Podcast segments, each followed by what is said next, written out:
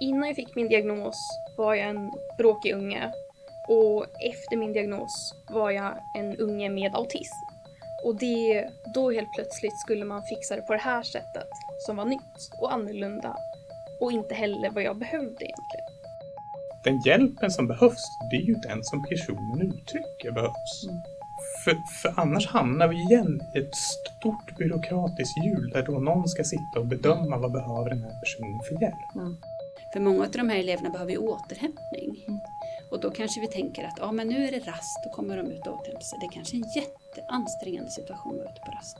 Kan vi alla ta den, det synsättet att den här eleven gör så, så gott den kan även när den hamnar i, i väldigt stora utmaningar.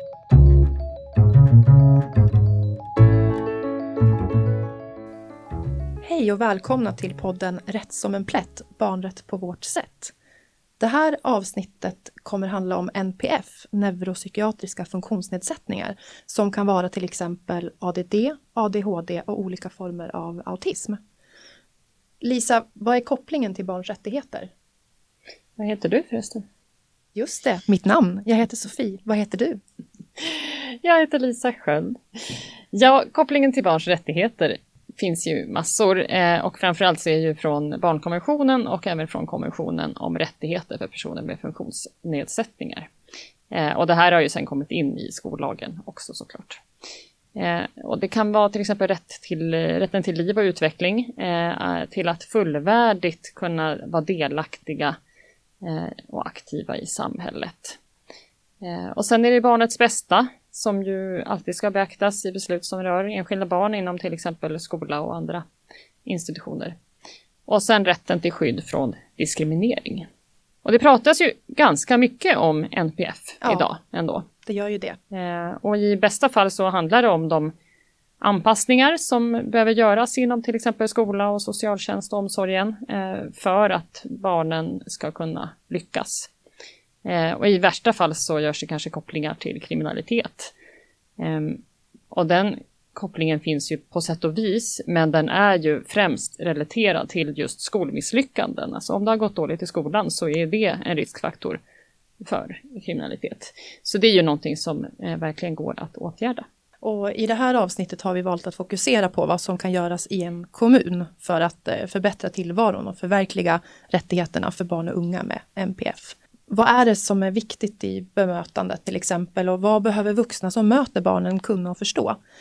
Eh, en annan grej är ju det här med hur kan olika yrkesgrupper samarbeta för att det ska funka bättre än det gör idag. Vi har ju också komponerat ihop en slutrapport som eh, har en rubrik som heter Så kan skola och socialtjänst bli bättre för barn och unga med neuropsykiatriska funktionsnedsättningar, Lisa. Ja, precis. Eh, och den här släppte vi ju ganska nyligen. Eh, i samarbete med Funktionsrätt i Uppsala kommun och med Brukarombudet i Uppsala kommun. Så de har vi bjudit in som mm. gäster här nu, så det ska vi prata lite om det. Och sen har vi ju en hel del andra gäster också som belyser det här ur olika perspektiv, som mm. vanligt. Som vanligt. Mm. Välkomna!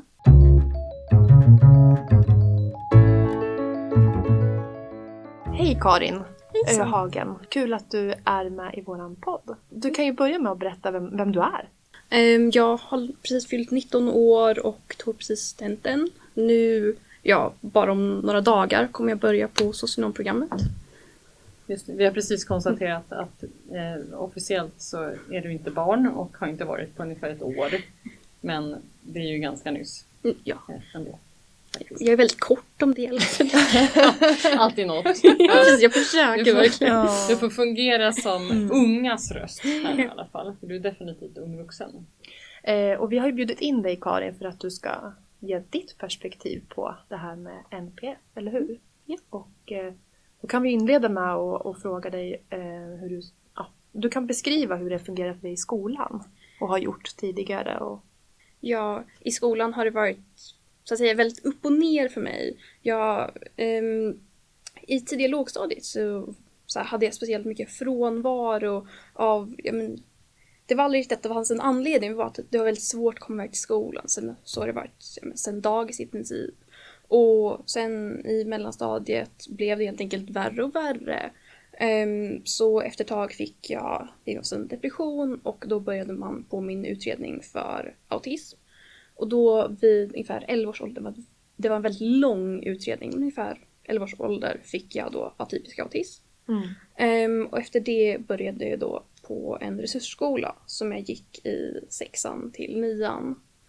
Ehm, och där gick det lite bättre att komma iväg till skolan men det, det har alltid varit väldigt svårt helt enkelt. Ehm, både med närvaro och att klara av så här, stora klassrum, mycket ljud, mycket intryck. Det, det passade inte mig.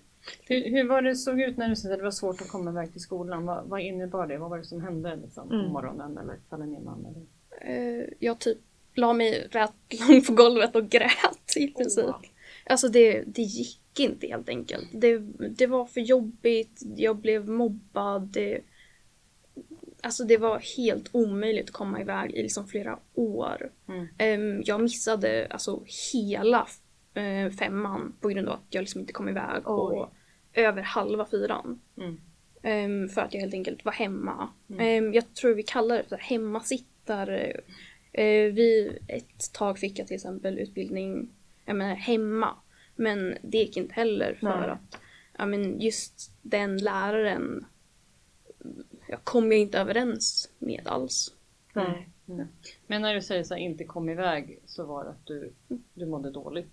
Jag mådde dåligt, jag trivdes inte i skolan. Det tog för mycket energi helt enkelt. Och jag, jag hade också liksom sömnsvårigheter och alltså allting helt enkelt. Ja. Men det gick lite bättre med resursskolan då. Det gick lite bättre främst för att då var det ju till exempel att det var ett tag som jag kunde bli uppmött vid bussen. Mm. Jag kunde gå hem när jag ville. Det var ju den största grejen. Att jag kunde berätta att så nu behöver jag sitta i ett litet rum och stirra på en vägg. Och det var ju svårt att få till de kompromisserna och de anpassningarna även på en resursskola. Men det gick. Och det gick inte på de, den skolan jag gick på tidigare. Mm. Så det faktum att liksom, det fanns saker man kunde göra, det faktum Ja. att det var en lite mindre klass, Mm. det gjorde att så här, jag långsamt över som tre års gång kunde komma mer och mer till skolan. Mm. Och alltså när jag gick på den första skolan jag gick på ehm, pratade med skolpsykolog, kurator, ehm, alltså all form av resurspersonal som bara fanns på skolan. Och alla berättade om och om igen så här, det kan göra det här, det här. Men jag kunde inte det. Det var kanske typ, ja men träffa psykologen. Men hon typ var inte där den dagen. Mm. Eller det var Mm. träffa den här personen. Men då behövde jag typ säga det här i förväg. Det, det fanns saker som, som jag kunde ha gjort men jag fick inte verktygen för att göra det. För att Mm. få den hjälpen. Ja, det är klurigt. Mm. Ja. Och då tänker jag, för, för när den här typen av ärenden kommer till oss, brukar skolan säga men vi har gjort en massa, vi har ett åtgärdsprogram och titta vad många punkter vi har erbjudit. Eller vi har, liksom. Och lite så var det för dig då kan man säga. Precis, alltså Mm. de hade säkert 20-tal möten där de berättade vad jag behövde och hur de gav mig det jag behövde. Och jag fick aldrig det jag behövde. Nej. Ändå, det blev inte på riktigt någonting som funkade för dig. Mm, Precis. Det. Dina föräldrar, vad gjorde de då när du, du pratade väl hemma om allt det här också? Vad du behövde i skolan? Försökte de att driva det också? Um, ja, min mamma var ju helt fantastisk och gick på så många möten och fixade alltså, alltihopa. Um, alltså, hon var jätte, jätteduktig och följde mig till skolan och uh, försökte jättemycket. Men det var just det faktum att mycket av makten att förändra saker låg ju inte åt henne. Utan hon blev ju bara tillsagd att det fixades och sen fixades det inte.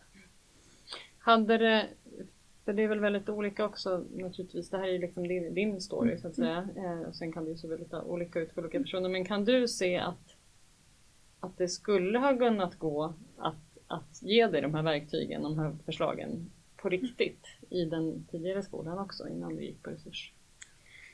Ja, rent teoretiskt fanns ju resurserna med så här mindre klassrum, med liksom mindre grupper. Allt det där fanns ju. Egentligen. Jag tror, jag vet inte riktigt vad det var som inte gick till. För jag fick se de här extra rummen jag skulle ha kunnat gå till. Jag fick träffa den här personalen. Mm. Så det var som att man liksom checkade i allting som skulle finnas.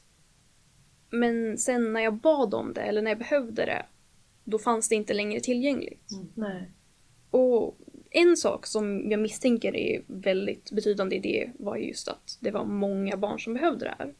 Det kanske var några som hade liknande problem som mina som fick de här resurserna och därför fanns det inte tillräckligt, det, då fanns det inte den här fantastiska kuratorn som kunde träffa mig.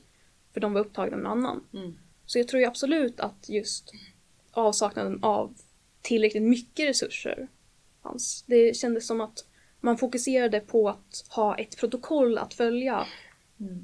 Liksom i teorin mer än att genomföra detta protokollet helt Mm. enkelt. Och hur var det med uppföljningar då? För jag antar att det var ett åtgärdsprogram som ni hade möten om. Liksom. Hur, hur funkade det när de följde upp det här? Var det någon som frågade dig? Hur? Det var det ju såklart. Det var of- ganska ofta att jag helt enkelt inte kom med på många möten just för att men mötet var kanske på skolan. Om jag inte kunde gå till skolan för att ha en kvarts lektion då kunde inte jag komma till skolan för att vara där i två timmar och prata om varför typ jag var lite för lat för att gå till skolan. Liksom det, och det var såklart aldrig någon som sa det. Men det, det var ju en känsla, speciellt när jag pratade med klasskamrater. Liksom. Det, var, det var ju något som var lite fel på mig som liksom inte kom dit. Och det, det, jag vet inte, det var vissa lärare som också, speciellt senare när jag blev lite äldre, som liksom antydde att det var, Mm. det var ju något jag borde kanske liksom kämpa lite mer med eller försöka lite hårdare. Så, alltså, de mötena jag följde med på, då kunde jag ju sitta i mitt lilla hörn och lyssna på hur folk berättade att jag behövde det här eller de hade gett mig det här. Och jag höll inte riktigt med om att jag hade fått det här eller behövde det här. Men det var liksom, jag, jag var ju ett litet barn som inte riktigt visste vad jag ville. Och Fick du säga på de mötena vad du tyckte? Ja, alltså jag kunde, antingen blev jag direkt frågad, ibland blev jag sur och typ avbröt någon och berättade att så här, ja men det här höll jag inte med om. Ehm, och då pratade de lite om vad jag precis sagt och sen vad jag menade. För jag hade sagt en grej. Men jag menade ju egentligen att allt gick jättebra. Jag tror väl att känslan i alla de här mötena var ju här samlar vi fem vuxna människor som pratar om vad du behöver istället för att du får försöka förmedla det. Och det var ju såklart jättesvårt för mig som en 11-åring att berätta att det här och det här, det här behöver jag. Men att kanske ta lite en paus liksom mitt under mötet och fråga mig vad jag kände. Eller kanske inte ha fem främmande personer utan kanske typ människor jag känner mig trygg med. Kanske mina lärare istället för specialpedagogen jag sett en gång i korridoren. Det som var bra beteende, det som uppmuntrades var att bara komma dit och att typ vara nöjd med det och sen gå hem och så komma dit igen. Det, man pratade aldrig om så hur jag mådde i skolan egentligen. Och jag tror väl det vi egentligen följer med liksom, det ska ju inte bara gälla folk med BEF, det ska ju gälla alla. Mm. Att det, man fokuserade nog aldrig på det som riktigt skulle vara bäst för mig. Eller det jag behövde. Och det är väl samma sak när jag väl fick min diagnos och kom till en resursskola. Att man, det var aldrig liksom individanpassat på den nivån som jag skulle behövt. Utan innan jag fick min diagnos var jag en bråkig unge och efter min diagnos var jag en unge med autism. Och det, då helt plötsligt skulle man fixa det på det här sättet som var nytt och annorlunda och inte heller vad jag behövde egentligen. Utan till exempel på den resursskolan jag gick på så var allting för lätt. Mm. Det var ett problem tidigare också. Mm. Men nu var allting alldeles för lätt. Och anledningen till det var ju att jag hade autism. Mm. Och därför klarade jag inte av att till exempel skriva de texterna jag ville skriva. Jag Nu skulle... läser jag in lite ironi här igen. Ja, Ja, en, en ja. aning. Det händer Ja, ibland. Ja, Mm. nej men helt enkelt om jag skulle göra något på min- nivå då lämnar de mig i fred. Mm. Till exempel i svenskan var det ett helt år i åttan där de aldrig ens liksom, frågade vad jag gjorde. För protokollet var att jag var klar med alla mina uppgifter. Jag blev klar med åttans uppgifter i, liksom, i sjuan. Jag, var, jag, jag hade inget mer att göra. Jag skulle få mitt betyg. Då fick jag sitta på svenska lektioner och bara skriva vad jag ville. Ibland var det på svenska. Så Ibland då var fick du ingen annan utmaning? Eller? Nej, det var bara... Det var så låga krav. Och kraven liksom var placerade på helt fel ställen. Så det kändes som att liksom, det var ingen poäng att komma till skolan. Mm. För jag var klar med den där årskursen. Mm. Mm. Och hur funkade liksom, lyssnandet på dig på resursskolan? Då? Såg det annorlunda ut där än vad det gjorde innan? Ja, det var ju bättre. Det var mycket bättre. För nu, nu gick det ju från att vara t- 30 elever i skolan, eller här, i klassen, till ja, men, kanske 5-6 elever. Det var ju en enorm skillnad. Liksom, läraren visste vad jag hette på riktigt. Det, det, det, det var mycket bättre. Men det var ju ändå det att nu var jag en person med autism och därför skulle man göra så här och så här. Ehm, och när det inte stämde, då kändes det snarare som att det var något fel på mig än något fel på mallen för hur ett barn med autism ser ut. Och då hette det ändå atypisk, Ja, hade. Så, ja precis. ja, man trodde ju att man skulle komma någonstans Ja. där också. Åh. Men gick du gymnasiet också på resurs? Eh, nej, Nej. jag gick ju på en vanlig skola Ja. Eller Mm. en lite mindre skola. Mm. Men just eftersom att resurs inte riktigt kan översättas till gymnasiet. Nej. Eftersom att något krångel. Nej men jag gick på en gymnasieskola. Mm. Ehm, och där... Det är fel att säga att det var mer anpassat till mina behov. Och mer rätt att säga att standarden var typ... Typ allting var lite annorlunda och det råkade passa mig bättre. Mhm. Mm. Ehm, men till exempel så var det ett väldigt tydligt schema. Uppgiften var lite, var lite svårare. Det, det funkade lite bättre helt enkelt. Och sen funkade det sämre på andra saker såklart. Det har en tendens att göra så. Men nu sa du två, två bra exempel. Mm. Att säga att det var lite mer Mm. liksom, lagom prestationskrav Mm. eh, och tydligare schema. Vad var det som, som funkade sämre? Där? Det var väldigt störigt i klasserna. Det, även om det var mindre klasser än på tidigare skolor så var det, hade jag ett problem att jag... Det var helt enkelt vissa individer som jag inte klarade att vara i samma klassrum med. Ehm, på grund av att de till exempel var väldigt högljudda. Mm. Och det vet jag att det var en sak som skolan arbetade aktivt med eh, på andra håll genom att till exempel stärka och stötta upp för de individerna. Mm. Ehm, men just för mig blev det väldigt svårt att vara i ett klassrum där jag inte liksom, kunde koncentrera mig för någon satt och typ höll på och skrek eller på med sin mobil med ljud på. Och det var just de sakerna som jag helt enkelt hade svårt för. Att Mm. jag behöver lugn och ro. Eh, till exempel om det finns ett fönster då måste jag sitta med ryggen emot det för annars blir jag distraherad. Och de sortens sakerna var väldigt svårt, svåra att arrangera. Um, de var jättebra på att arrangera möten. Det, det var lite svårare att sen följ, liksom, följa upp efteråt. Men det var, det var ännu ett steg i rätt håll Mm. helt enkelt. Alltså jag var ju 16, 17, 18 år där. Mm. Helt plötsligt kunde man inte bara typ kalla mig ett litet barn och komma undan med det. Utan jag blev lyssnad på på ett annat sätt. Mm. Men jag, jag fick alltid känslan att det mest hade att göra med att det var jobbigare att inte lyssna på mig nu. Ehm, för nu kunde jag säga ifrån. Aha. På ett sätt som man inte kan när man är ett barn. Eller på ett sätt som man inte lyssnas på när man är ett barn. Nej precis, vi brukar ju prata om åldersmaktsordningen Mm. och det, jag tänker det stämmer ju också överens med just som du säger att när man blir lite äldre så, så blir ju den kontrasten lite mindre också. Då.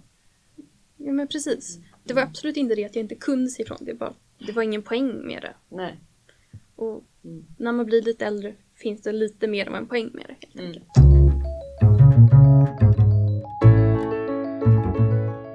Det var aldrig ett möten handlade om mig. Det var aldrig att hjälpen riktigt handlade om mig. Det var att de vuxna kom och skulle lösa ett problem.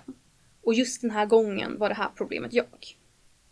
Jag hade behövt känna att jag blev lyssnad på, att jag blev förstådd. Mm. Och det kändes aldrig som att det var prioriteten. Eh, Men det var aldrig aktuellt med några andra verksamheter runt om. Eh, En del, en del barn med NPF får ju också liksom stöd.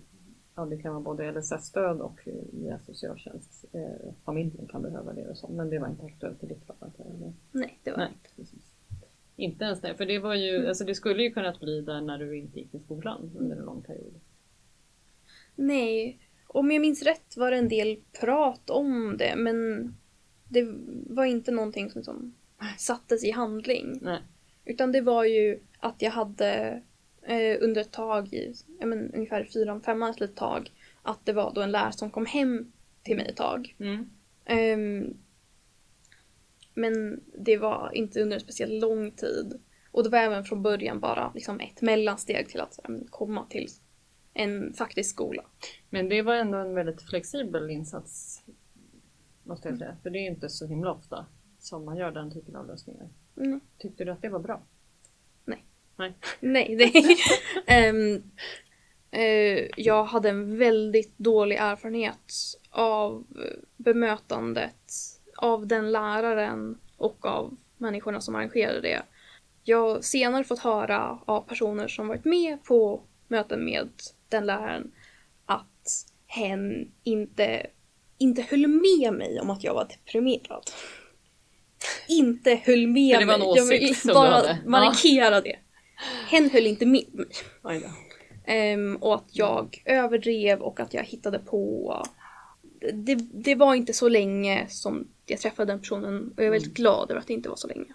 Ja, det blir ju ganska svårt kan jag föreställa mig ändå. Att försöka ha enskild undervisning med en person som, som har den synen på en. Men i, i teorin, I teorin var det ett jättebra projekt. Alltså det var det hade fantastiskt. kunnat vara bra om du hade fått rätt bemötande. Ja, precis. Mm. Och då hade det kunnat varit ett mellansteg som hade kunnat gjort det. Ja. Ja, men precis. Mm. Det, det var ju inte idéerna som var dåliga. Nej. Det var ju genomförandet som Mm. inte gick rätt till. Och jag tror att det är väl det som är problemet. Liksom gällande barn med NPF, gällande personer som har svårigheter med skolan överhuvudtaget. Mm. Att man har alla de här fina synpunkterna och idéerna och i teorin jättemycket resurser och flexibilitet. Men det som genomförs är något helt annat Mm. och det är ofta otillräckligt eller fel. Bara något helt annat. Mm. Vi brukar prata om barnsyn, men det handlar ju om människosyn eller om syn på just den individen egentligen. Liksom. Om någon bestämmer sig för att du är, men nu har du använt många uttryck om hur du har upplevt att de har sett på dig, så här, jag var lite stökig eller jag var inte riktigt som jag skulle. Eller att liksom, Mm. och, och att ha den känslan, då blir det ju svårare för dig att uttrycka också. Mm, Precis. Och det har varit väldigt svårt för mig att utveckla min egen syn på vem jag är Mm. och vilka mina behov är. Ja. Det, det, är Ja. väldigt, det är väldigt svårt att inse att jag behöver göra den här saken eller behöver ha den här rutinen Mm. när jag blir tillsagd att jag behövde något helt annat.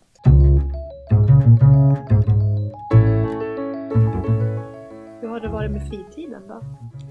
Med aktiviteter och sådär när du var barn? Speciellt när jag var yngre var det ju väldigt svårt. Det var eh, många, inte många, men det var fler aktiviteter som påbörjades än som avslutades. För att skolan tog all energi, trots att jag inte ens var där. Liksom, tanken på att om en vecka måste jag vara här på den här måndagen i typ, ja, men en lektion. Det var, det förstörde liksom det tog all energin från andra saker. Sen under gymnasiet, vilket också var liksom, då skolan fungerade som bäst, då nästan per automatik så kom jag med och gjorde fler saker. Liksom, allt från typ klubbar till volontärarbetet. Liksom, så när skolpusslet gick ihop lite bättre fanns det plats för andra saker helt enkelt. Mm. Mm. Och har det funkat bra i de aktiviteterna också då när du hade ork på dem? Det har varit lite av och på. Eh, jag höll på mycket med dans när jag var mindre. Och det var ju under den tiden där jag precis hade fått, eller inte, inte hade fått en diagnos än. Och då var det väldigt svårt att be om en anpassning eller liknande. För det var som att man inte hade en anledning att be om det. När du väl får en diagnos då är det mycket lättare att säga att ja, men jag behöver det här på grund av det här. Mm. Medan om du bara är ett barn som har svårt när det är för ljust i rummet då är det väldigt svårt att förmedla det på ett sätt när någon är, där någon är villig att göra någonting åt det. Mm. Tack så hemskt mycket Karin för att du har delat med dig av dina erfarenheter och upplevelser och tankar eh, om hur det har varit för dig och hur det skulle kunna vara. Absolut. Tack så mycket för att jag fick komma.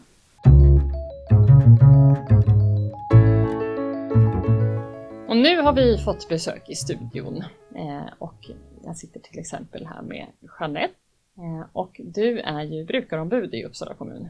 Ja, det stämmer. Och kan du bara nämna lite, så här, vad är tanken med den rollen och hur länge har den funnits? Mm.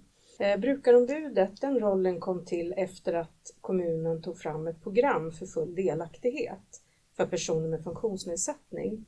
Och det programmet, eh, där står det om eh, kommunens eh, krav på att eh, det ska vara tillgänglighet och delaktighet för alla i kommunen. Nej, men jag började ju som brukarombudet eh, för två år sedan på våren och det var ju liksom precis när pandemin kom samtidigt så man satt hemma och arbetade. Eh, och då blev jag kontaktad av eh, några brukarföreningar eh, som var oroade över situationen för barn och unga med MPF, typ autism eller ADHD eller ADD. Och jag fick liksom flera signaler och jag satt där och funderade på hur ska jag kunna göra någonting kring det här? Vad gör jag nu? Och då så kontaktade, kontaktade jag Barnombudet för jag tänkte att ni kanske också hade fått signaler.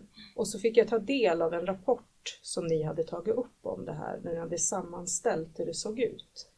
Eh, och eh, då började vi ju prata.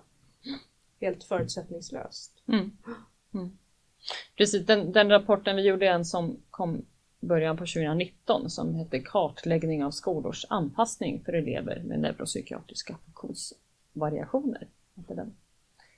Eh, som var som ett uppdrag från Länsstyrelsen. Mm. Men vad var det för slags saker som, som folk hörde av sig till dig om? Ja, så det som kom fram var ju att det hade ökat i antal orosanmälningar i skolor och där eh, ja, föräldrar, anhöriga hade hört av sig till brukarföreningar och sagt eh, ja, att de kanske inte kände sig förstådda och att de kanske inte hade fått rätt stöd från början. Och du samarbetar också då ju naturligtvis med Funktionsrätt. Mm. Ja, Mikael, du är ju också här idag och eh, jobbar som ombudsman i organisationen Funktionsrätt. Precis, jag jobbar alltså för funktionsrätt i Uppsala kommun. Ja. Vi är ett samarbetsorgan för, eh, för funktionsrättsföreningar. Okej. Okay. Uh, och vi jobbar med kommunala frågor i Uppsala. Därav Funktionsrätt Uppsala kommun. Sen har vi vår systerorganisation då, Funktionsrätt Uppsala län, som jobbar med länsfrågor i mm. Uppsala. Min roll då som, som ombudsman är ju att eh, på något sätt Eh, Eh, leda det, det intressepolitiska men också juridiska eh, arbetet för, eh, för alla de här organisationerna. Och vi har ju eh, som medlemsföreningar hos oss så har vi ett antal föreningar som Attention och Autism och Aspergerföreningen, OCD-föreningen. Vi har flera föreningar som då har som, som målgrupp personer med, med neuropsykiatriska funktionsnedsättningar, eller NPF då, som det kallas. Och eh, för eh, ja, men två år sedan ungefär nu så, eh, så började vi få, få olika rapporter, man ska säga, om att ja, de här medlemsföreningarna upplevde barnen eh, som elever i skolan då hade, hade problem med eh, både i skola och att föräldrarna också då fick problem gentemot socialtjänsten. Eh, och och eh, jag blev kontaktad av eh, Jeanette som, eh, som berättade att hon också hade fått de här signalerna. Eh, och vi började prata om hur vi kunde samarbeta tillsammans med, med er på, på barnombudet. Vi fokuserade väl först på att bara måla ut en, en problembild. Politiker, tjänstepersoner, funktionsrättsrepresentanter tillsammans. Vad är det vi ser för, för svårigheter för den här målgruppen? Och efter det då försöka tillsammans också hitta hur kan man jobba med de här, de här Mm. frågorna? Och det är egentligen det som, som rapporten grundar sig i. Först en uppmålad målbild och sen, eller en uppmålad problembild eh, och sen därifrån hur, vad ser vi för potentiella lösningar på de här problemen? Som ni båda hade stött på att, att föräldrarna också fick hur sa du, problem med socialtjänsten. Så vad, vad innebar det? Kan du beskriva vad, vad ett sådant problem kunde betyda eller varför? Ja, alltså problemet för föräldrarna bli, bli, eller som, som det kom fram då var ju att de kämpade ju hela tiden i motvind. Eh, barn som har stora svårigheter, kanske man anstränger sig allt man kan under skoldagen för att koncentrera sig och kunna vara en kompis i klassen och så. Och sen när man kommer hem så orkar man inte längre och då blir det liksom eh, ja, då blir det ganska, kan det bli problem och, och bråk och, och sådär. Och det är tufft som förälder att hantera det. Att föräldrar blev ju också lite an, har blivit anklagade för att man inte stöttar barnet att komma till skolan. Det här som man nu säger hemmasittare. Mm. Och då kanske att man inte liksom kommer överens med skolan och att man inte får rätt stöd. Eh, att det var sådana saker som kom fram. Mm. Nu vet jag att det finns ju eh, delar på elevhälsan som jobbar med de frågorna men de har kanske inte nått just de föräldrarna. Mm. Och vad ledde det till för slags problem då? då det här? Ja, så det kunde ju bli orosanmälan till exempel. Då. Mm. Mm. Och vad blev följden av den sen? Ja, alltså det, följderna kunde ju bli så långt att det var ju var faktiskt eh, handlade om att det gick så långt att eh, socialtjänst gick in och att man ville flytta barn. Ja, och det här var ju, och det var ju det här vi, vi enades i så att säga, att vi alla tre organisationer eller verksamheter kan man säga, hade ju, hade ju mött det här Mm. på olika sätt. Mm. Och därmed inte sagt att det alltid naturligtvis är fel att omhänderta barn eh, och barn med NPF kan ju naturligtvis behöva och ha rätt till ett familjehem Mm. ibland. Eh, Ja, och att, an, alltså att antalet orosanmälningar ökar behöver ju inte bara vara negativt. Det ska ju göras orosanmälningar, men, men det beror på på vilket sätt och vilket stöd som familjen har fått innan. Mm. Eh, Jag vet att det var en på elevhälsan som jag pratade med som sa att man kan göra en orosanmälan tillsammans med familjen. Mm. Och att man eh, ser det som ett sätt att få hjälp och stöd. Och det tyckte jag var ett väldigt bra exempel. För att det blir ju, det är inte kul att få en anmälan på sig. Det är ju känsligt som förälder. Mm. Men om man får det stödet i att göra det, att nu, vi, vi ser att ni behöver stöd. Mm. Och då blir det ju en annan eh, relation, både till skola och kanske socialtjänst och, och så. Hur, hur gick det att enas då? För att jag menar utifrån den här problembeskrivningen som vi hade fått höra tidigt, att så här, vad var er bild? Gick det att liksom få, få en enighet med de här olika perspektiven? Ja, alltså, det var ju första gången som, eh, som vi provade det här arbetssättet. Vi pratade ju om att det var en del av tjänstedesign och vi tog ut bara en liten del i tjänstedesign med att först ta fram problem men också mell- eh, efter det analysera och eh, vända de här problemen till möjligheter för att vid nästa möte eh, fokusera på att idégenerera. Eh, Så att vi hade ju ett ganska stort arbete mellan de här mötena. Och så fick vi ju då ett jättestort material av idéer. Eh, det, det var jättemycket bra saker och då skrev vi ihop, vi började inse att hur, vad tar vi vad vägen, då tar vi vägen med allt det här, de här bra idéerna. Och då formulerade ju vi en enkät tillsammans där vi tänkte att nu ska fler få vara med i det här arbetet eh, och vara med och prioritera. Och då får vi också fram alla de här idéerna eh, och fler blir delaktiga. Mm. Och det var ju faktiskt väldigt många som svarade på den enkäten. Mm. Hur många var det ungefär? 197. Ganska exakt. Kan Ja. ja. Jättebra ju. Eh, tyvärr då, ska jag säga, så nådde vi bara ett enda barn. Vi la verkligen ner mycket tid på att försöka få de här enkäterna barnvänliga. Men det var svårt.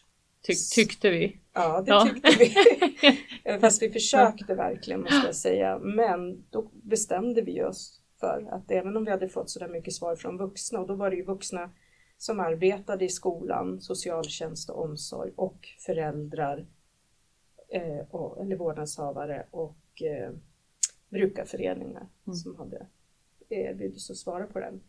Då bestämde vi att vi vill höra barnens röster, de är de viktigaste. Så då tog vi ett omtag där. Vi gjorde intervjuer, bjöd vi in till. Ja, vi försökte ju då först med, med diverse, med liksom enkät, eh, nå ut med enkäter, men eh, sen så kontaktade vi mer, mer direkt i brukarorganisationerna och, och försökte få in personer som vi kunde få intervjua eh, och prata med. Eh, och eh, fick väl lite större genomslag. Alltså det, det är ju svårt tyvärr att nå ut till, eh, till, ja det vet ju ni som, som jobbar med det regelbundet liksom. Eh, Att få höra barns röster är ju svårt. Eh, Samtidigt så det är ju det är ju otroligt viktigt liksom. Mm. Eh, Så, så att det är svårt ska inte få vara en anledning till att man inte gör jobbet. Eh, Men, men vi fick väl in ett visst antal intervjuer ändå så att vi kunde få en ganska bra, eller bra, relativt bra underlag liksom. Några röster som, Mm. beskriver de här svårigheterna från deras vinkel. Vad, vad var det som blev resultaten då? Har ni några exempel på vad, vad liksom rapporten kom fram till eh, i det här gemensamma samarbetet med alla olika aktörer? Vad, vad är det som behöver göras? Samverkan och kompetens var liksom de, det som vi skrev om i rapporten. Mm. Att man behöver samverka och då liksom är inkludera, alltså inkluderas alla. Barn, vårdnadshavare, skola, socialtjänst, omsorg. Mm. För det som man kan fundera kring är ju att när det går så långt så att det blir att någon blir hemmasittare eller att någon eh, får en oro, blir en orosanmälan, då, då behöver man fundera, har vi gjort allting vi kunde? Har alla delar av kommun och region varit involverade? Eh, så att man ser över det. För att det, här, det som vi hade då var ju tre olika nämnder i kommunen som var med. Det var eh, omsorgsnämnden, socialnämnden och utbildningsnämnden. Och där, det var ju politiker från alla de tre och sen var det också tjänstepersoner från de tre. Och vi, jag tänkte på det här som vi pratade om, att vad, vad, om det här resulterar i någonting. Och det är ju det att vi har ju ett jättefint material som vi lämnar som en gåva till de här nämnderna att jobba vidare med. Och vi kommer att stötta dem och, och de kan höra av sig till oss och, och få stöd. Men vi kommer ju också att följa upp det. Jag kommer ju inte släppa det, det tror jag inte någon annan av er heller kommer göra. Och det är så, de har ju varit med och tagit fram det tillsammans med oss. Så det är liksom, vi har hjälpt kommunen att bli ännu bättre i de här frågorna. För det är, det är också så att det är inte så att det är bara elände och så, utan det, det görs ju en del bra grejer, måste jag ändå säga. Och har hänt en del efter Mm. också. Sen vi började med det här så satte det faktiskt igång grejer både på socialförvaltningen och utbildningsförvaltningen. Mm. Men om man går tillbaks till resultatet eh, och kompetensen, det handlar ju om både liksom det här med att, ja men vad innebär det att ha en, sån, en neuropsykiatrisk funktionsnedsättning? Vad behövs för att det ska fungera i skolan? Att få rätt anpassningar. Och vad jag förstår så ju, finns det ju ändå ambitioner att man vill, en del skolor säger till och med att man NPF-anpassar hela skolan. Det är ju fantastiskt. Eh, att man kan få ha hörlurar och ja, man eh, testar olika sätt. Men sen också att man blir hittad. Alltså att, att man faktiskt förstår att, att skolan och, och, och hemmet eh, hitta barnen med, och, och kanske det behövs någon utredning eller anpassningar, att man samarbetar kring det. Och sen också att man ska samverka mellan de här olika, i både i kommunen och regionen. Det kom ju upp faktiskt i barnintervjuerna om eh, BUP, också barn och ungdomspsykiatrin, att de är också viktiga och, och liksom det kom upp som en, eh, i en av de här intervjuerna att ett barn som inte ville prata på BUP och då tyckte inte, det var inget bra tyckte BUP, men, men barnet sa att jag har ju sagt vad jag tycker till min pappa och jag litar på honom och att de har liksom den och då, då behöver man ju liksom förstå och ha kompetens och hantera det. Mm. Ja precis, för det, där, det vet jag att det pratade vi om en hel del eh, mm. utifrån det citatet och, och, kommentaren just det här. Samtidigt som vi var så noga nu med att verkligen få fram barnets mm. egen röst och att många medarbetare jobbar hårt med det, så att säga, ambitionen av att lyssna på mm. barnet själv och att de då inte vill ha föräldern som en företrädare. Men samtidigt så måste man ju då låta barn få välja sin företrädare mm. när de faktiskt tycker att det inte är bekvämt eller inte riktigt klarar av. Mm. Eh, och det var ju precis det som vi hamnade i också, eh, även med intervjuerna ju. Så var det ju några som sen så bara, nej men mitt barn fixar inte att ha en intervju med en främmande människa mm. till. Mm. Men jag kan hålla den liksom så att det fick bli via, via föräldrar så ibland. Mm. Nej men sen var det också viktigt det här med att, att alla som, liksom, om man har ett möte, att alla är överens om vad är det vi har pratat om och vad har vi kommit överens om? Och det fanns också eh, från barnens håll önskemål om att, eh, eller att man ville att, att, att, man skulle få veta vilka rättigheter man har. Att det är viktigt att, att de man möter vet vad jag har för rättigheter. Och man var också bekymrade över föräldrarnas kämpande för dem. Att man bar på liksom någon skuld över att ja, min mamma och pappa måste ju fixa så mycket och ringa och hålla på liksom.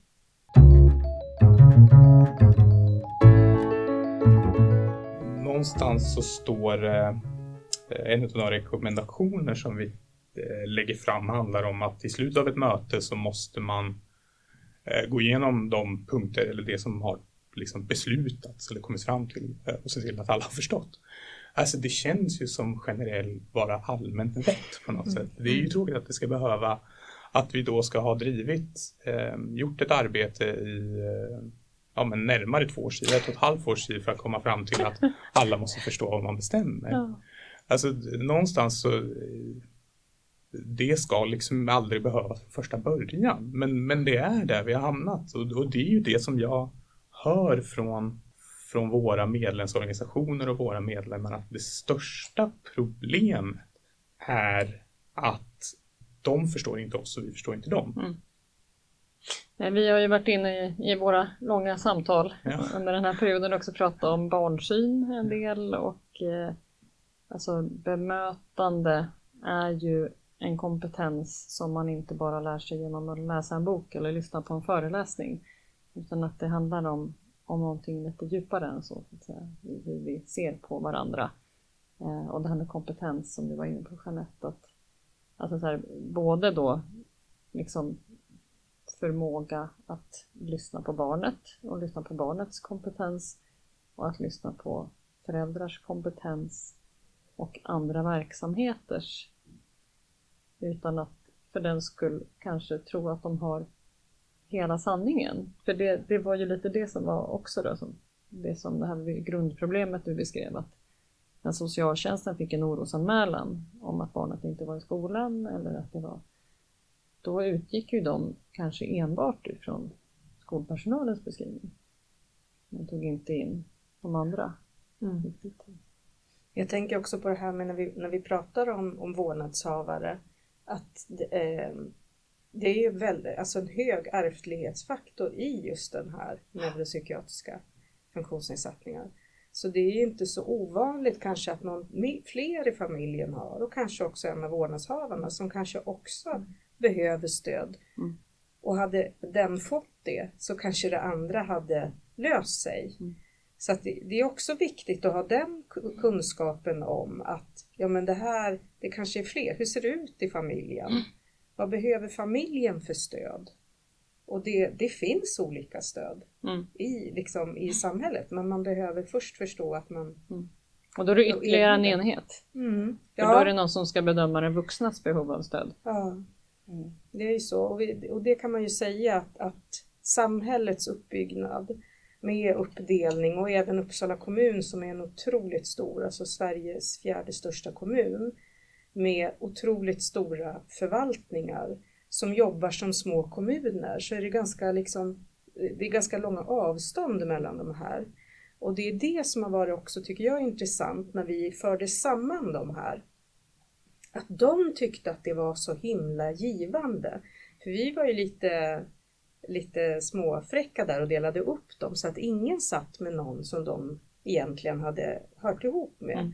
Politiker från nämnder fick sitta med tjänstepersoner ifrån an- andra, under andra nämnder och brukarföreningar. Så att, och, och det var också otroligt eh, givande. Och då skapar man också de här förståelserna för att ja, men vi vill ju vi ser liknande saker och vi vill liknande saker. Mm. Eh, så att eh, jag tror jag på det arbetssättet. Att sätta sig ner över gränser och jobba tillsammans och sen ta hem det och liksom sätta igång. Ja, alltså jag verkligen, jag kan ju bara hålla med. Det är ju för att någonstans, alltså för, för så här, om nu tanken är till för att man ska, om, om hela det här systemet är till för att man ska hjälpa den här eleven. Eleven bryr sig inte om vilken förvaltning personen sitter på. Det är helt oväsentligt. Eller om det är en politiker eller en tjänsteperson, det bryr sig inte eleven heller om. Det viktiga är att man får hjälp. Sen vem som ger, det egentligen spelar ju inte det någon roll. Och jag tänker lite också på det här som, som du sa nyss, Jeanette, med, med hur man Eh, ja, men det kan finnas en ärftlighet. Det kan vara, alltså det kan vara så att, att, att föräldrarna också har någon typ av funktionsnedsättning. Eh, och, och som du sa, så, ja, men okej, då måste någon bedöma vad det ska kunna ge för hjälp. Och där blir det igen. Den hjälpen som behövs, det är ju den som personen uttrycker behövs. För, för annars hamnar vi igen i ett stort byråkratiskt hjul där då någon ska sitta och bedöma vad behöver den här personen för hjälp. Tusen tack för att ni tog er tid. Tack detsamma. Tack så mycket. Välkommen hit Malin Rensog från socialförvaltningen i Uppsala kommun. Tack så mycket. Vad trevligt att ha dig här. Och vilken eh, tjänst är det du har, eller var finns du inom socialförvaltningen? Jag jobbar som socialsekreterare på, på en barnenhet.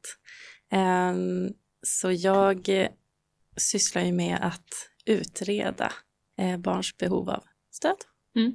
Mm. Eller skydd. Vad är det du gör som, som du har sett funkat bra i relation till barn med NPF? Jag tror att det jag gör som kan vara bra kanske är att jag tar mig tid att lyssna och ha tålamod. Um, schysst bemötande. Det låter ganska vettigt. Ja, Ja. nej men jag tänker för ehm, nu ska vi väl främst prata om barn och, barn och unga med NPF, men vi träffar ju jättemånga föräldrar som också har NPF. Just. Eh, så det är väl några av sakerna som jag har fått feedback från föräldrar kring. Liksom. Mm. Att de har uppskattat Ja. att de har blivit liksom väl bemötta. Ja. Mm. Mm. Och ni, precis som du säger, ni behöver ju samarbeta mycket med föräldrar naturligtvis. Mm. Ja, och ofta finns det NPF hos barnet så finns det ju med stor sannolikhet också NPF hos föräldern. Så att Mm. Det är ju hela familjen liksom vi jobbar med. Mm. Alltså när, som sagt, du möter säkert en hel del barn och unga då, med NPF. Eh, ser du några särskilda utmaningar i deras liv just på grund av funktionsnedsättning? En stor del av barnen är ju man har, har problematisk skolfrånvaro eller är hemmasittare som det kallas. Mm. Ehm, och inte heller alla där kanske har en diagnos men man kan ju med största sannolikhet så har de ju någon form Mm. av NPF. Ehm, och det är väl en målgrupp som är, eller det är svårt när det har blivit liksom så, när det har gått så långt. Ehm, så jag, jag tänker att det handlar mycket om bemötandet som de får alltså på olika liksom, plattformar i livet. Mm. Bristande förståelse eh, och deras liksom, självkänsla.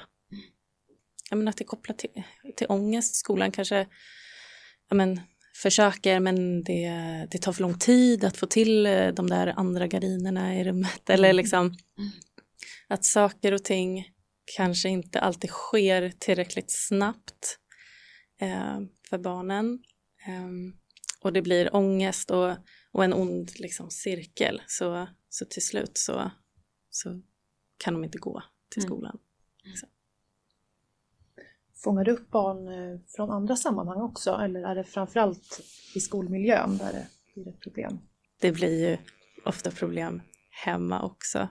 Eh, med, ja, med konflikter.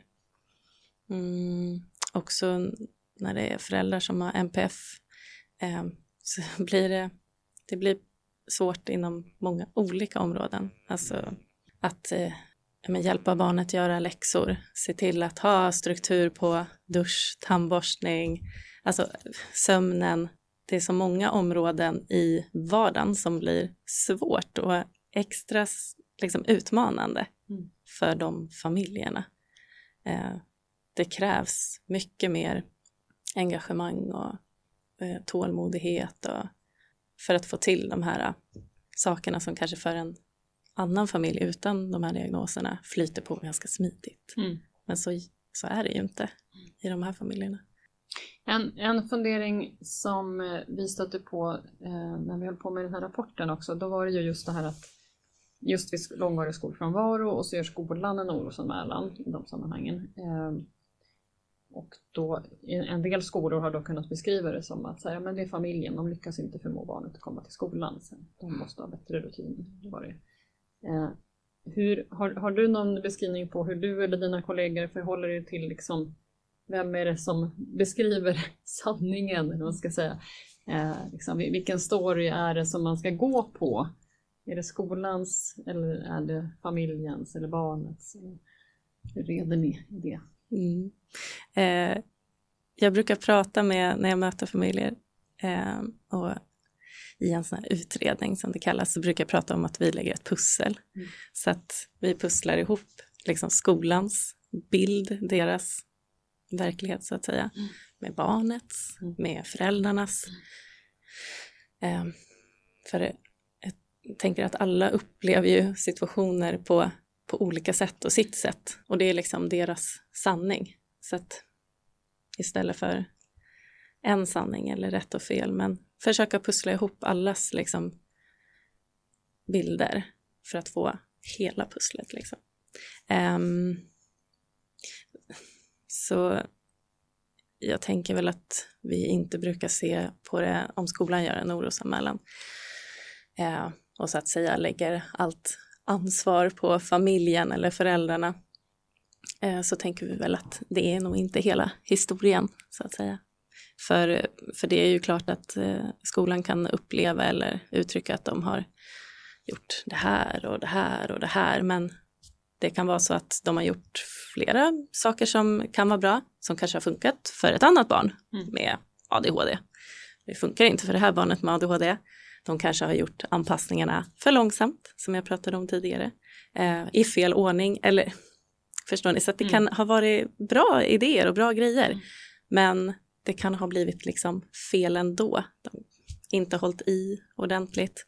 Eh, det kanske har varit bra grejer men personalen har bytts ut. Eh, den som kanske skulle vara ett extra stöd för den här eleven. Eh, och det har inte funkat på grund av det. Så att jag tänker att det, det finns mer Mm. att ta reda på. Det finns mer till historien. Liksom.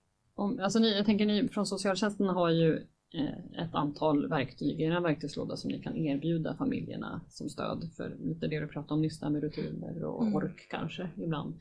Eh, men om ni ser att huvuddelen av problemet kanske ligger i hur skolan har hanterat det trots att de många gånger verkligen har försökt.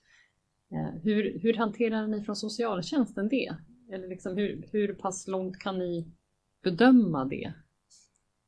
Precis, det blir ju lite svårt det här i så att säga lägga sig i Mm. vad de andra gör.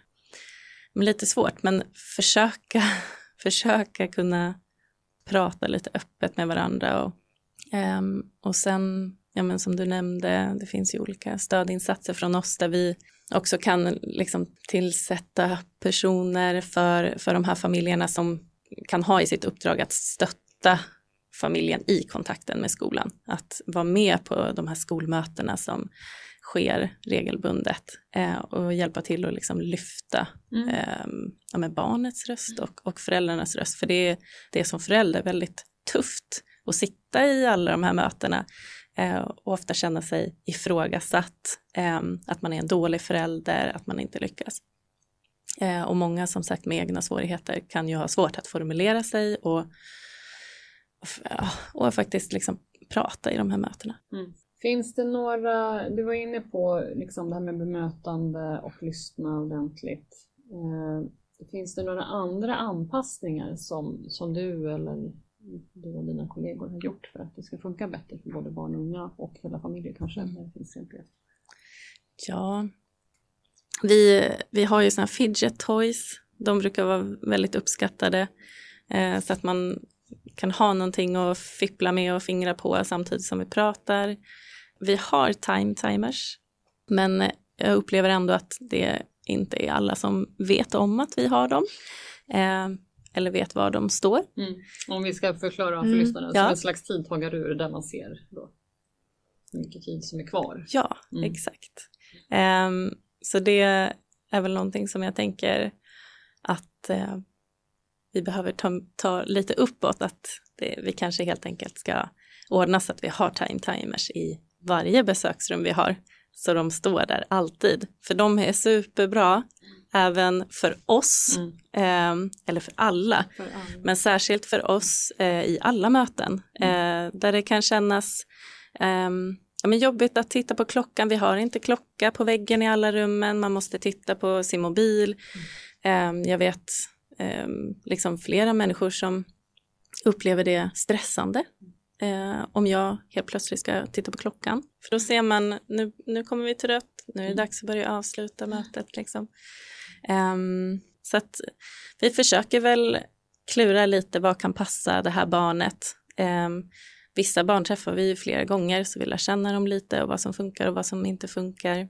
Vi har ju eh, nallekort kallas det.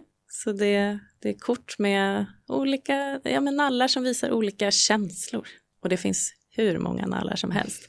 Eh, vi brukar försöka välja de lite enklaste känslorna. Eh, men, eh, och så får barnet berätta vad, vad är det för känsla och ibland så är det någon helt annan känsla än vad vi hade tänkt eh, ursprungligen. Ehm, men, men det kan vara svårt för särskilt yngre barn eh, och som också har någon form av NPF att förstå, koppla att okej men den här nallen och den känslan att koppla det till en själv. Okej Just det. men när jag är så, när blir jag ledsen? Den här nallen ska föreställa mig. Mm. Eller liksom att Mm. koppla så Mm. kan vara svårt. Men det, det är annars ett ganska vanligt liksom, verktyg som vi använder i barnsamtal. Brukar ni ha lite erfarenhetsutbyte? Har, har ni liksom regelbundet att ni pratar om olika, så men nu gjorde jag det här Mm. Knepet eller liksom tekniken och det funkade så. Ja, men det är det som är också så himla roligt med det här jobbet. Att eh, ja, men vi är ju verkligen ett team. Eh, så varje vecka så, eh, så har vi ju ett möte en hel förmiddag där vi just ja, men, drar ärendena, som det heter. Eh, drar det att man, ja, men jag behöver hjälp med det här eh, idag. Till exempel förbereda barnsamtal. Vad, vad ska jag ha fokus på? Hur ska jag prata med det här barnet? Och just då få ja, men tips från kollegor utifrån deras erfarenheter. Vad har funkat bra? Vad funkar mindre bra?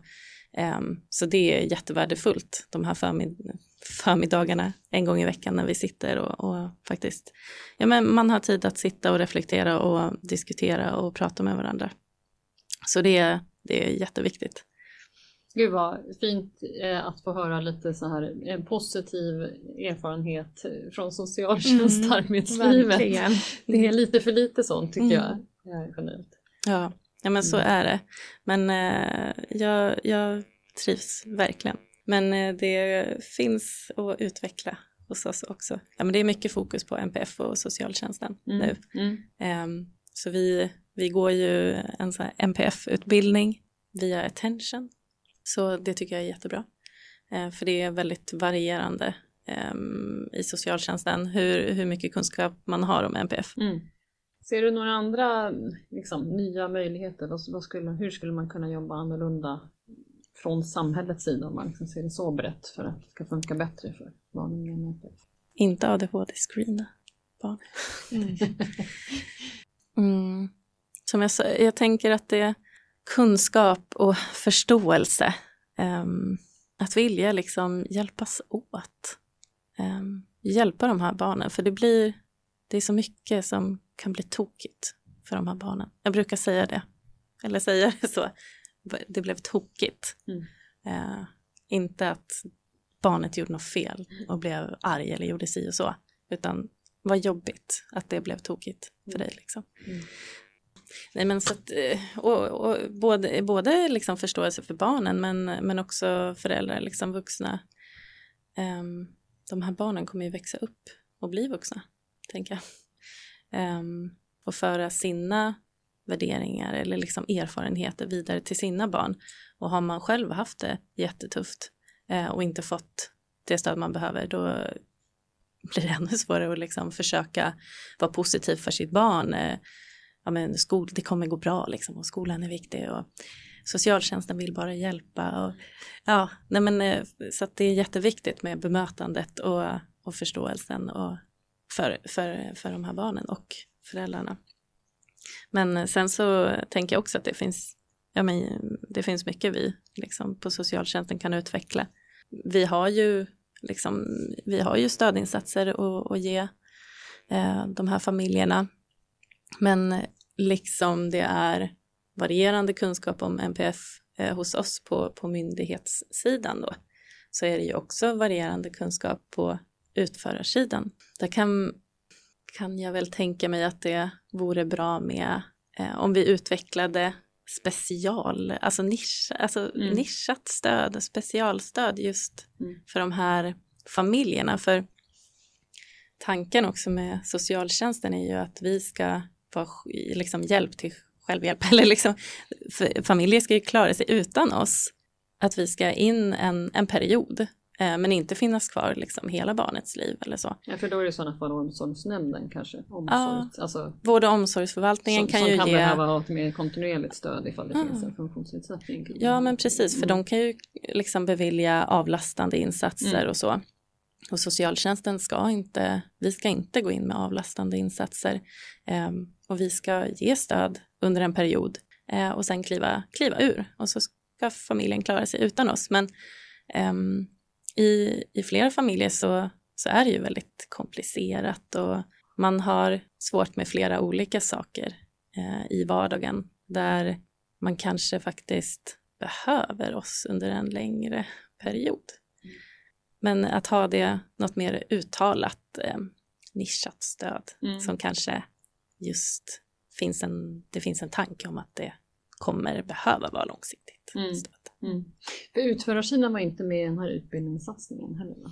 Jag är inte bombis men jag fick fram att Nej. det att det var på myndigheter. som- Precis, så är det nog. Som För jag tror inte, i alla fall på de här utbildningsdagarna så såg jag inga från utförarsidan. Nej, nej jag tror inte Men det kanske finns i nästa steg. Mm. Mm. Nej, för det blir ju också komplicerat och även ifall det har varit ett bra bemötande och en utredning och sen så, så har man en insats som är en person som kan mycket mindre än vad föräldrarna gör. Om. jag träffar ju föräldrar som just har den lite rädslan och oron för okej men nu, nu har du utrett här eh, och vi har tackat ja till det här stödet men ska vi, ska vi berätta om allting nu? Ska, vad vet den här personen? Just som du sa, föräldrarna kanske vet mer om NPF än än personen som ska hjälpa dem. Ehm, så att, och det tycker jag väl att eh, ut, de på utförarsidan brukar ju, de får ju ett uppdrag från oss där det står en liksom, kort beskrivning om den här familjen och barnet och vad är det för stöd som de behöver.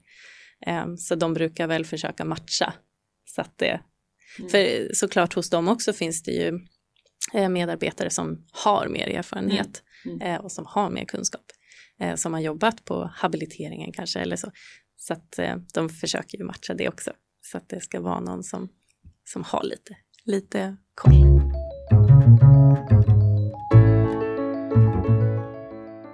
Samordning är ju en stor del av de här föräldrarnas liv.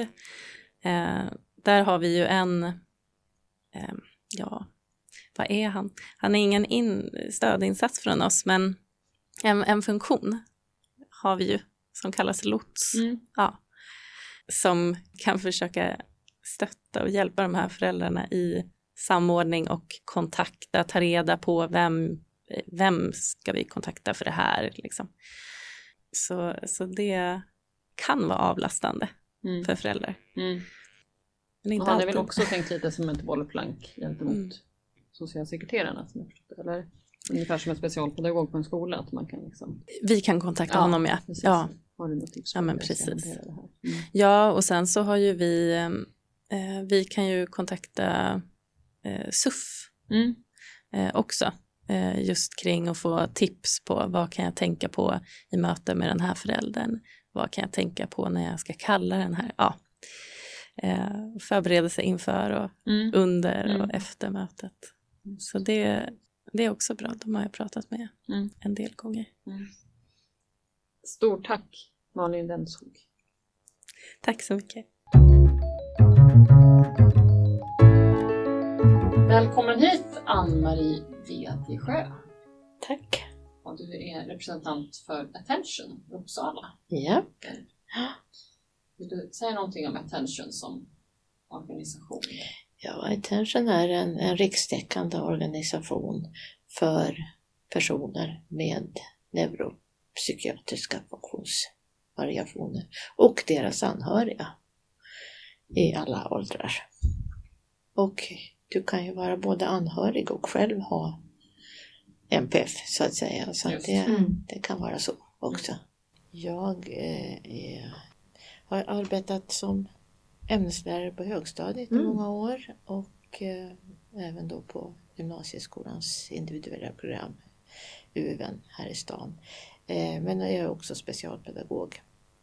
Och som jag då tänker en av Attentions viktiga uppgifter det är just det här att påtala individens eh, roll. Att, att, ja, det är vissa kriterier som stämmer överens om du får en NPF-diagnos. Men sen är det ju ändå en, en individ med olika begåvning på olika sätt, olika intressen och så vidare. Och det tycker jag är en väldigt viktig kunskap eh, för alla som, ja för hela samhället helt enkelt. Mm. Just nu är det ju två projekt som är i fokus som jag är lite, eller väldigt intresserad av och det handlar ju dels om eh, ofrivillig skolfrånvaro. Hur, hur kan man jobba? Och det har bland annat gått ut en enkät till både föräldrar och barn, ungdomar kring det här som håller på. Och, och det kommer en rapport första september så mm. september kommer att vara en kampanjmånad för det där. Det finns ett stort behov hos föräldrar inte minst att höra andra föräldrar mm. som har barn som inte kommer iväg av olika skäl. Och det har varit, eh, framförallt när jag jobbar på habilitering, kanske ett, ett, ett eh, otroligt eh, viktigt ämne för mig. Det här att, att ta reda på varför kommer man inte iväg till skolan? Och det vet ju enligt forskning att det finns det väldigt många olika orsaker. Mm. Men eh, det är ju A och O att skola och hem samarbetar. Så att det inte blir vilket det lätt blir, att man skyller på varandra. Och det, då blir det inget bra heller. Eh, min allra första tjänst som ämneslärare var Upplands Väsby i början av 80-talet. Eh, då var det en kille i den nian jag hade då. Han kom inte iväg till skolan. Men det var liksom inget prat om det. Det var bara... Jag vet att jag fick gå hem då. Jag var ju ung och gjorde vad som sades till mig. Jag fick gå hem och träffa honom hemma. Och ibland öppnade han, ibland öppnade han inte. Men vi hade ju ingen relation så jag förstår ju att han inte öppnade för en främmande människa som kom och ringde på dörren. Så att, eh, det här med relationer är ju en sån enormt viktig sak i det. Ja. Jag, vad glad jag är att du säger det. Mm. det är mitt mantra. Jag har haft som ett mantra det senaste året kanske i alla fall. Så här, relationer, relationer, relationer. Ja. Ja. Men hur, hur tycker du att, att vi jobbar med relationer inom de här sammanhangen? Jag tycker att det oftast glöms bort hur viktiga relationerna är. Mm. Och i, alltså inte minst nu tänker jag i skolvärlden. Hur otroligt viktigt det är med, med, med relationer. Att en elev känner att han eller hon eller hen har en relation till, till sin skolpersonal. Både lärare och alla andra. För annars så, det spelar liksom ingen roll något annat. Eh, om, om, om vi skulle så här, titta på problematikbeskrivningen lite grann och vi pratar om kunskap. Eh, vad är det attention ser saknas i systemet om vi tittar runt om barnen? Ja, det, samordning naturligtvis. Jag tänkte säga resurser, det är lätt att säga resurser, men väldigt mycket samordningen skulle jag vilja säga. Mellan olika. Jag tänker det har varit det har varit så tydligt när jag har jobbat på habiliteringen det här när man liksom har haft både BUP och socialtjänst och omsorgsnämnden och hela liksom skola och allt det här. Att få det här att funka ihop. Att, och, och, och det kan jag väl tycka under, under de åren jag har jobbat nu inom, och det har varit inom regionen, men just det här att man snävar in, alltså det blir mer och mer stuprörsvarianten och då finns det alltid de som hamnar emellan, som halkar emellan. Och det tycker jag är, är ett problem och det tror jag, det är väl något som attention ser. Vi pratade lite om delaktighet innan vi började spela in också. Ja, för det eh, tycker jag har, är en, har varit, som jag har sett det, att det har varit så väldigt svårt att, att fråga barn, ungdomar, elever själva vad de tycker och tänker. För det är ju min erfarenhet då från, från utredningar att även sjuåringar, alltså då, när jag jobbade på folkpensionärhemmet så var det ju från 6 upp till 18 år. Och även 6-7-åringar var jätteduktiga på att tala om vad de tyckte var svårt och hur de skulle vilja ha det istället.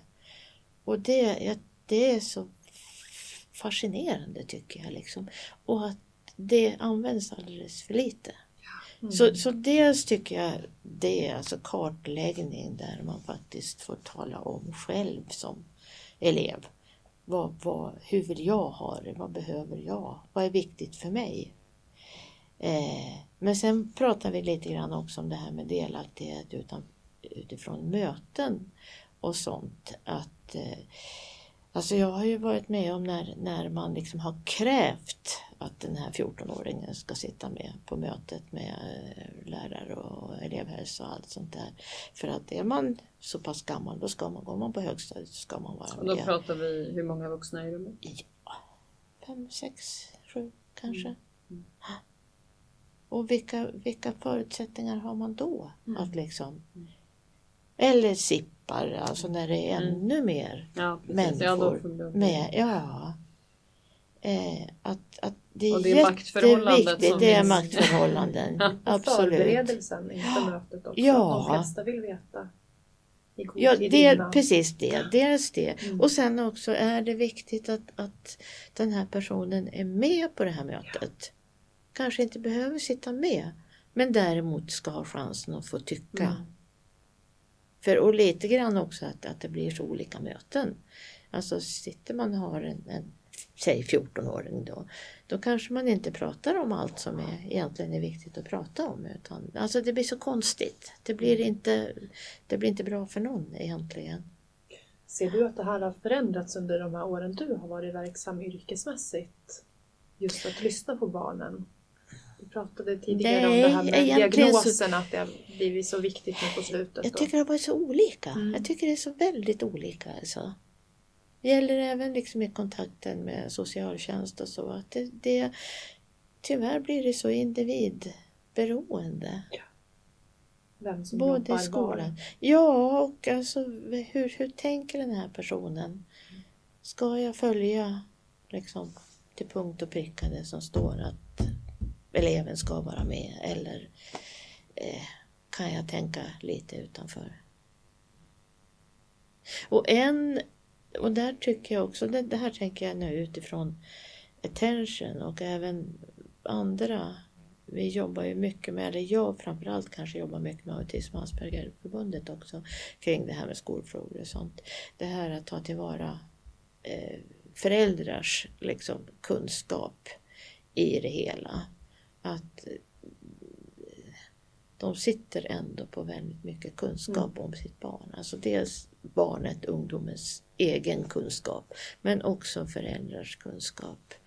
Eh, och där jag kan känna ibland att det finns lite det här besvärliga föräldrar som ska tycka så mycket och ha åsikter. Jag, jag har träffat på jättebesvärliga föräldrar. De, men jag har träffat på jättebesvärliga lärare också. Jag träffat på, alltså de, det finns överallt. Men de allra flesta är ju inte det. De allra flesta är ju kloka, vettiga personer.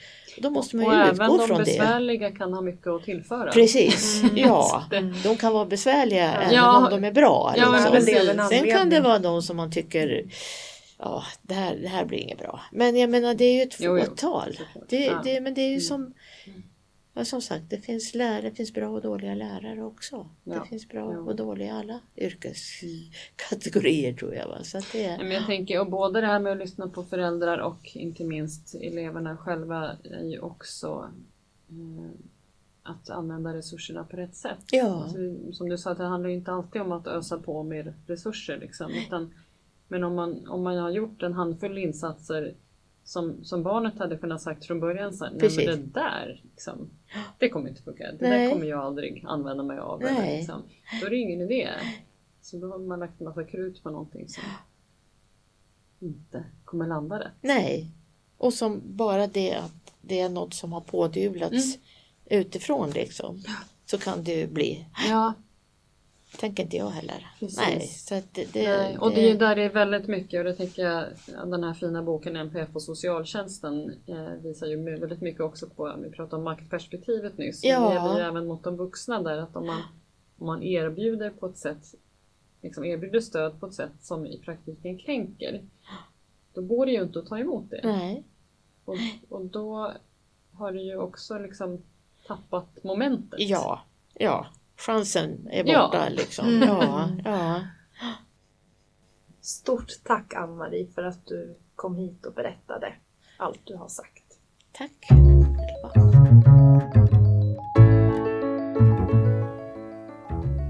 Hej Kajsa Grev Jolstedt, vad kul att du är här idag. Tack så mycket. Du kan väl börja med att berätta vad du jobbar med för någonting? Mm. Jag är specialpedagog Mm. eh, på centrala teamet som är en del av Uppsalas barn och elevhälsa. Mitt arbete ser mycket ut att vi får in beställningar från skolor eh, som vill ha stöttning av oss på olika sätt. Mycket av vårt uppdrag rör ju elever med NPF. Eh, vi träffar ju inte eleverna själva eller deras eh, vårdnadshavare utan vår primära uppgift är att stötta de vuxna på skolan, lärarna, elevhälsoteam och så vidare. Eh, och många av beställningarna som kommer in eh, rör elever med eh, NPF. Eh, där skolorna har kommit så långt de kan eh, och, och stöter på olika ut- utmaningar och vill veta lite mer hur de ska göra. Kan det till exempel vara en lärare som hör av sig till er att det funkar inte för en elev med NPF och sen Mm, ska ni hjälpas åt tillsammans och komma fram till precis, det är, alltid, stötta? det är alltid rektorn på skolan som skickar in beställningen och det ska gärna gå då genom elevhälsoteamet så att det är förankrat så att det också Mm. finns mer stöttning på skolan än att det blir bara en enskild lärare eh, som får våran hjälp. Är barnen med på något möte eller hur får ni in barnets erfarenhet då? Barnet är inte med på något möte. Eh, innan en beställning kommer in till oss så, så skriver vårdnadshavarna under, så de vet ju att skolan gör en beställning. Eh, och, och där vi möter barnets uppfattning det är ju genom personalen. Eh, att, att uppmärksamma och att kartlägga mm, barnets eh, uppfattning. Sen kan det ju också ske att vi är ute på observationer. Eh, Eh, men då är det ju inte för att observera barnet i fråga utan då är vi med för att vara med och observera lärmiljön. Mm. Vi pratade lite här innan vi spelade in om det här med, med synvända. Mm. Hur skulle du beskriva det? det är ju någonting som vi pratar mycket om eh, på centrala teamet och, och, och någonting som vi ofta stannar upp vid och, och, och, stämmer av. När jag är ute på mina ärenden så är det ofta så att, att, att först stämma av. Var är vi? Vem är det som äger problemet? Är det så att eleven vill men kan inte eller kan eleven men vill inte? Och det är som sagt skolorna kan det här, de är bra på det här. Det relationella perspektivet med att det är i lärmiljön vi granskar eh, när, svårigheter uppstår. Eh, men vi behöver också kunna ta fram det i skarpt läge. Lärare är väldigt stressade, har en, en stor arbetsbelastning ofta, ska hinna med många individer i, i, klassrummet. Och då behöver vi stanna upp vid det och se så att är vi ett, ett arbetslag eller ett gäng som pratar, att alla är med på det här kan vi alla ta den, den, det synsättet att den här eleven gör så, så gott den kan även när den hamnar i, i väldigt stora utmaningar som kanske orsakar olika typer av skador eller någon blir rädd eller så vidare. Kommer ni in i sammanhang där socialtjänsten har kopplats in också kring till exempel långvarig skolfrånvaro? det är ju framförallt koordinatorerna för, mm. för ökad skolnärvaro som, som är inne då. Sen har ju vi samarbete med dem. Det kan hända att vi är inne i ärenden eh, tillsammans. Mm. Precis, vi, vi pratade här förut både med socialtjänsten och flera mm. andra av gästerna här om hur det ibland kan bli om skolan har gjort en orosanmälan för att det har varit långvarig skolfrånvaro och att skolans perspektiv ibland då kan bli att så ja, men det är hemmet som inte fixar att få iväg barnet. Mm. Ja, att deras strukturer brister. Så. Ja, och det, där kanske familjens perspektiv är tvärtom, att det är skolan som inte har lyckats möta barnet mm. utifrån vad den behöver. Mm. Ja, och då hamnar ju socialtjänsten i lite konstigt läge där de ska göra någon slags bedömning av skolans verksamhet som inte riktigt ligger i varken deras uppdrag eller kompetens. Mm. kanske. Eh, men kan antingen ni eller liksom koordinatorerna ha någon roll där som ju, alltså så här, ni är ju inte just den skolenheten så att säga utan ni är ju någon slags extra resurs. Ja, och där kan ju framförallt koordinatorerna göra ett, ett väldigt bra jobb för de har ju också kontakt med vårdnadshavare och med eleven mm. och kan mm. försöka få ihop de här eh, bitarna. Mm. Eh, så att det är ju de eh, det är deras arbetsuppgift mer än, mer än våran. Mm. Men om vi går tillbaka till det här att, att vem är det som äger problemet? Är det så att det är skolan som äger problemet, de här svårigheterna som uppstår, eh, då är det ju lättare att diskutera utifrån det. Men det blir, kan ju bli lite skuldbeläggande från, från mm. bådas håll i stressade situationer och där man inte riktigt vet vad man ska göra härnäst. Mm. Så att det är ju jätteviktigt att få in vårdnadshavarnas roll mm. Eh, och bild av det hela. De är experter på sina barn och mm. har ofta ganska bra grejer att komma med. För att inte prata om eleverna själva. Vad säger de om sin skolsituation? Vad har de för förslag på det hela? Mm. Eh, så att... Och du hade jobbat som skolkoordinator här nyligen. Mm. Eh, kom, kom ni, alltså var det, var det lätt, ni brukade det gå bra att, att hitta de här medlingssituationerna där, där man kunde liksom få, få med fler perspektiv på vem som äger problemet. Ja, som skolkoordinator så kommer man ju in i en ganska eh, ofarlig roll. Vi är inte skolan, vi är inte socialtjänsten, vi är inte BUP. Vi ligger under utbildningsförvaltningen men det går ganska lätt att prata när situationen är låsta så kan en koordinator fortfarande kunna prata med de olika sidorna. Eh, vilket är en enorm fördel. Hur mycket ser du när du är ute, för du är en del på besök så att säga och kollar lärmiljöer. Hur mycket ser du av just anpassade klassrum då, där det är mer universella anpassningar? Ja, det varierar ju väldigt mycket. Eh, saker som kan vara extra anpassning i ett klassrum kan vara ledning och stimulans i ett annat klassrum, det vill säga alla elever erbjuds eh, en iPad. Alla elever har inläsningstjänst medan det i andra klassrum kan vara så att det är några få som, som tar fram det som har eh, lyssnat på det. Då blir det en extra anpassning. Eh, en del klassrum är väldigt avskalade för att försöka få bort intrycken och göra det lugnt för eleverna och det är skärmar och så vidare för att, för att skapa lugn. Eh, och det tycker jag att, att det, det, finns i många klassrum. Det finns i många klassrum hörselkåpor, kanske något att sitta och hålla på med. De delarna eh, finns eh, på många skolor. Det är också många skolor som har blivit väldigt mycket bättre med bildstöd dagen finns framme på tavlan där det är tydligt hur det ser ut. Och det kan man också se när man är ute på observationer att många elever som söker sig dit och står nedanför tavlan och tittar upp och mm, stämmer av. Så det är ju någonting som är viktigt. Mm. Att visa tiden används också väldigt mycket med eh, hur långt det är kvar på lektioner, hur länge uppgiften ska pågå och så vidare. Eh, så sådana generella anpassningar ser man mycket ute i skolorna. Mm. Mm.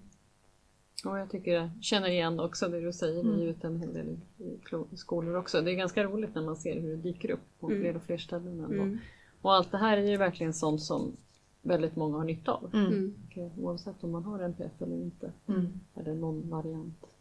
För många av eleverna så kan det också vara så att elever med, med NPF eh, kan ju också ha svårt att uttrycka sig bara på, på, på stående fot. De vuxna vill ju väl men mm. fråga, jag märkte att det där inte passar, hur ska vi göra istället? Eller så. Mm. Svårt för eleverna att, att svara på. Eh, och underlätta och hjälpa till med olika samtalsunderlag. Eller kan man ha någon barometer? Eller hur kan man göra? Hur stämmer man av för att, för att eleven ska också mm. väldigt systematiskt få utvärdera eh, sin dag? Eller bara med tecken tecken eller så för, för att hjälpa till. Så det inte bara blir de här orden Nej, från alla som vill så väl. Mm. För vissa elever är det stort behov av att kolla dagsformen. Och istället då, hur är det idag? Svårt. Kan vi ha, en, kan vi ha någon, någon typ av avstämning när de går innanför klassrummet? Då vet vi ungefär var kraven mm. ska läggas. Mm. Eller kanske flera gånger under dagen. För många av de här eleverna behöver ju återhämtning. Mm. Och då kanske vi tänker att ja, men nu är det rast, då kommer de ut och återhämtar sig. Det är kanske är en jätteansträngande situation att vara ute på rast. Jämfört med att vara i ett strukturerat klassrum så har du många fler saker att förhålla dig till på rasten. Mm. Är det så att återhämtning behövs när de kommer in från rasten? Och hur ska vi liksom få till det med eleverna? Och i vissa fall så kanske det inte riktigt går. Vi kan inte, eleverna kan inte sätta ord på det, ja men då får vi prova nu testar vi det här ett tag för jag tror att det skulle hjälpa dig. Mm. Eh, och gå lite fram och tillbaka. Stämma av med vårdnadshavaren. Ser ni ändå att, Eh, att det finns utrymme i skolans struktur idag att göra de anpassningar som behövs för de här eleverna? Det skiljer sig ju jättemycket. Men om vi går tillbaka till synvändan och, och vi har en skola som aktivt jobbar med att vad hände nu? Eh, om vi brukar ta det klassiska isberget, att vi ser den här lilla, lilla biten och vad var det som gör att den här eleven inte fungerar ute på rast eller liknande istället för att första steget blir att då kan inte den här eleven vara ute på rast. Har man en god struktur för det, hur man gräver vidare, analyserar, eh, tittar på kravnivån, tittar på förmågan, då kan ju mycket läggas upp på gruppnivå. Mm. Och då blir det inte så mycket individjobb Eh, vilket jag tror är ganska behövligt för det finns ju kanske inte resurser till de individuella insatserna för alla elever som kanske behöver det alltid. Eh, så att det, det, det, är väldigt olika på skolorna. Det finns ju ofta massor med generella insatser man kan göra och du får texten uppläst och vi bryter ner instruktioner och sådär. Men passar det just för den här eleven? Hur har ni tagit reda på det innan och hur utvärderar vi efteråt? Eh, det är också en, en jätteviktig sak. Och att hela tiden gradvis jobba för att eh, en elev med NPF eh, ska få mer och mer verktyg att själva kunna hantera sina utmaningar.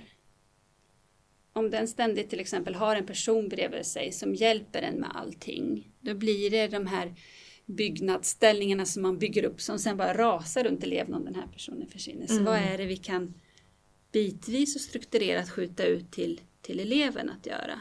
Mm.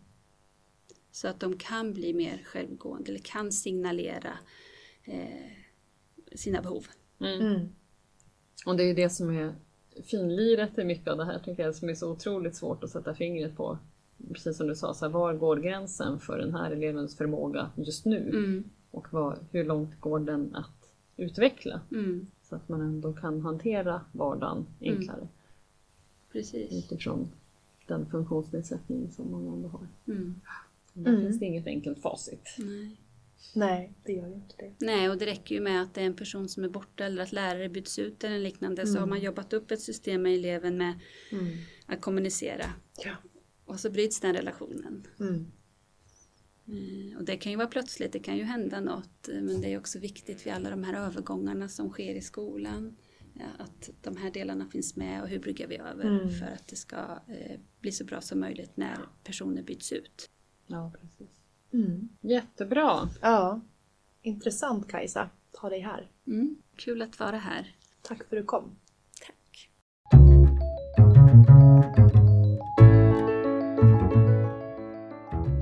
Avsnittets hiss. Och då är vi väldigt glada att se att den här frågan har börjat uppmärksammats mycket mer eh, och att till exempel flera delar av det som kom fram i vår rapport som behöver göras faktiskt har börjat verkställas. Eh, och till exempel så kan vi se i Uppsala att det har fått ett mycket större fokus från politikens sida som till exempel har lett till ett mer strukturerat samarbete mellan skola, socialtjänst och omsorg. Mm. Det utbildas ju också lokalt i Uppsala inom socialtjänsten på myndighetssidan. Och eh, skolor har ju också lagt in mera kunskap om NPF i lärarutbildningen nationellt. Ja precis och även på skolorna i Uppsala har Just det ju det. satsats en hel Ja. del på att, att utbilda personal.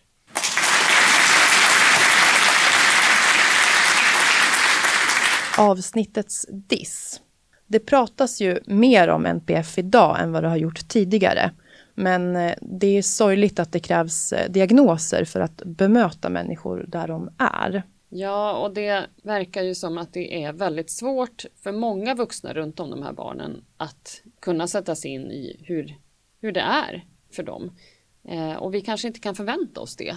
Nej. Utan det är just därför som vi måste ha barnets röster med i strukturerna. Mm. Att vi inte kan gå förbi det och missa att lyssna på barnen och deras vårdnadshavare. Hur deras verklighet är. Och Mm. vad de skulle behöva. Mm.